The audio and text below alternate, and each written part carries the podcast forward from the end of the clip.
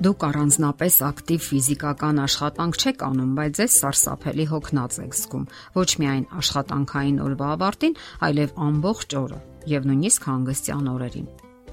շատերին ծանոթ վիճակ է։ Եթե այո, ուրեմն ամենայն հավանականությամբ ձեզ մոտ քրոնիկ հոգնածություն է։ Քրոնիկ հոգնածությունը շարունակական վիճակ է, որն առաջին հերթին արտահայտվում է վատ ինքնազգացողությամբ, պայմանավորված ֆիզիկական գերհոգնածությամբ, իսկ դրա վերականգնումը տևում է շատ երկար։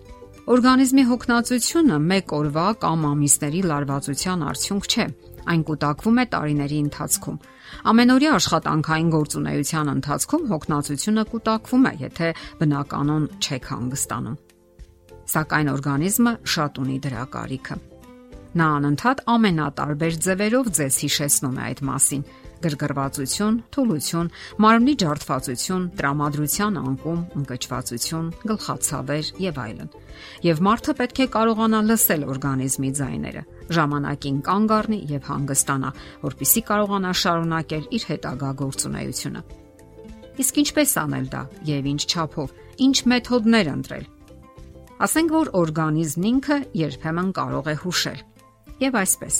կարելի է նվազեցնել հոգնածության զգացումը վարժությունների միջոցով, սննդակարգին հետևելով, դրական մտածողությամբ, parberabar ճանապարհորդելով եւ արշավների միջոցով։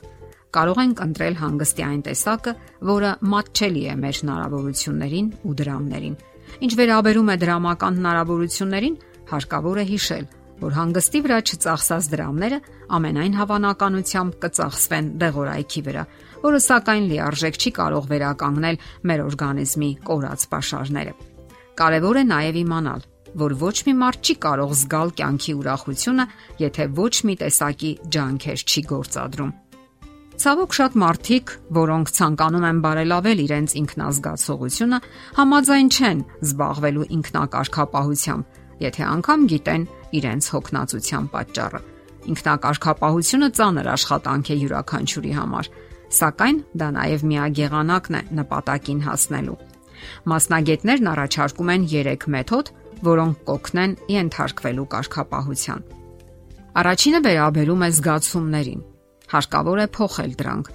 Մշտական կոնֆլիկտ գոյություն ունի այն բանի միջև թե ինչ կցանկանայինք փոխել եւ այն բանի միջև թե ինչ պետք է փոխել։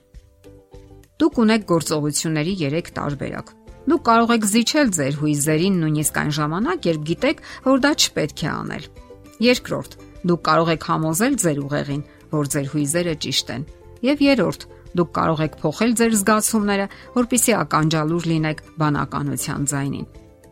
Երկրորդ տարբերակը ձեր ուղեղին համոզելու տարբերակը 3 կետերից ամենահեշտն է, որովհետև դուք վարվում եք ձեր ցանկության համաձայն, համոզում եք ձեզ եւ հրաժարվում ջանքերից Սակայն դա ինքնախապեյություն է եւ պարտության ճանապարհ։ Ճիշտը երրորդ տարբերակն է՝ փոխել զգացումները, որpիսի հնարավոր լինի ականջալուր լինել բանականության ձայնին։ Մարդկանց դուր է գալիս ներողամիտ լինել իրենց հանդեպ, եւ շատերը փայփայում են իրենց մեղավոր ցանկությունները, որոնք գործում են հենց իրենց դեմ։ Սակայն նրանք պետք է հրաժարվեն նման ցանկություններից, եթե ցանկանում են ապրել երջանիկ կյանքով առանց հոգնածության։ Դուք որպես անznավորություն պետք է որոշում ընդունեք հրաժարվել այն ամենից, ինչը ձեզ դուր է գալիս, եթե դա վնաս է պատճառում ձեզ։ Այստեղ շատ կարևոր է որոշում կայացնելու պահը։ Այնուհետև պետք է սկսվի գործողությունների մի շարք կամ հրաժարվելու գործընթաց։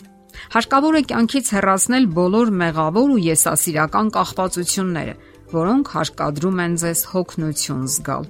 Դա կարող է լինել, ասենք, օրինակ շատակերությունը, ծուլությունը, մեղքը, կեղծիքը եւ այլն։ Եվ այսպես, կարգապահության ենթարկվելու հաջորդ մեթոդը այն է, որ պետք է տրամադրեք ձեզ։ Հաճախ կարելի է օգտագործել հանգամանքները, որpիսի սահուն կերպով անեք այն, ինչը նպաստում է լավ ինքնազգացողությանը։ Կարևոր է, որ դուք նախորոք ընտրություն կատարեք այն բանի օգտին, ինչը ձեզ դուր չի գալիս։ Սակայն գիտակցում եք, որ դա կարևոր է ձեր առողջության համար։ Ներկայացնենք մի քանի օրինակներ։ Օրինակ, եթե չեք կարողանում վաղ արթնանալ անհաջողությունների վախից, ապա զարթուցիչը դրեք սենյակի մյուս ծայրում, որpիսի ստիպված վեր կենաք։ Համոզվեք, որ այն մի 10 վայրկյան հետո ինքն իրեն չի անջատվի։ Կամ եթե ճաշացանկը դուք եք կազմում, ապա մի շաբաթ առաջ կազմեք այն եւ հետևեք դրան։ Այդ դեպքում դուք նախորոք եք որոշում, թե ինչ քանակի մթերք պետք է ուտեք, ոչ թե ուտելու ժամանակ եք որոշում։ Քնելուց առաջ ձեր անկողնու մոտ աթոռի վրա կախեք մարզազգեստը, որpիսի արթնանաք եւ զբաղվեք, ասենք վազքով։ Լոգասենյակի դարակներից մեկի վրա բաժակով ջուր դրեք։ Դա ձեզ կհիշեցնի, որ դուք պարտավոր եք յուրաքանչյուր 2 ժամը 1 ջուր խմել, անկախ այն բանից, ծարավեք թե ոչ, կամ ձեր նախընտրած հաճախությամբ։ Ընդհանրապես ինչ որ բան ծրագրավորելը պարզապես հիշեցում է։ Հաճախ ոչ թե չենք ցանկանում, այլ մոռանում ենք։ Հաջորդ մեթոդը գործողությունների ծրագիր կազմելն է։ Երբ գալիս է մեթոդները կիրառելու ժամանակը, գայթակղություն եք ունենում չանել դրանք։ Անվճռականությունը անհաջողության ուղիղ ճանապարհն է։ Եթե ամեն անգամ դուք սկսեք բանավիճել ինքներդ ձեզ հետ, անել թե ոչ, ապա ավելի շատ է հավանականությունն այն բանի, որ պատասխանը բացասական կլինի։ Դուք պետք է նախորոք ծրագրավորեք այն, թե ինչպես վարվել, որpիսի գայթակղության պահին ոչ մի տեսակի կասկած չլինի։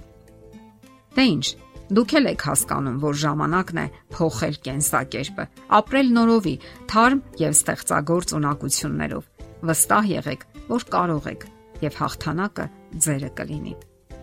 Եթերում առողջ ապրելակերպ հաղորդաշարն է։ Ձեզ հետ է Գեղեցիկ Մարտիրոսյանը։ Հարցերի եւ առաջարկությունների համար զանգահարել 033 87 87 87 հեռախոսահամարով։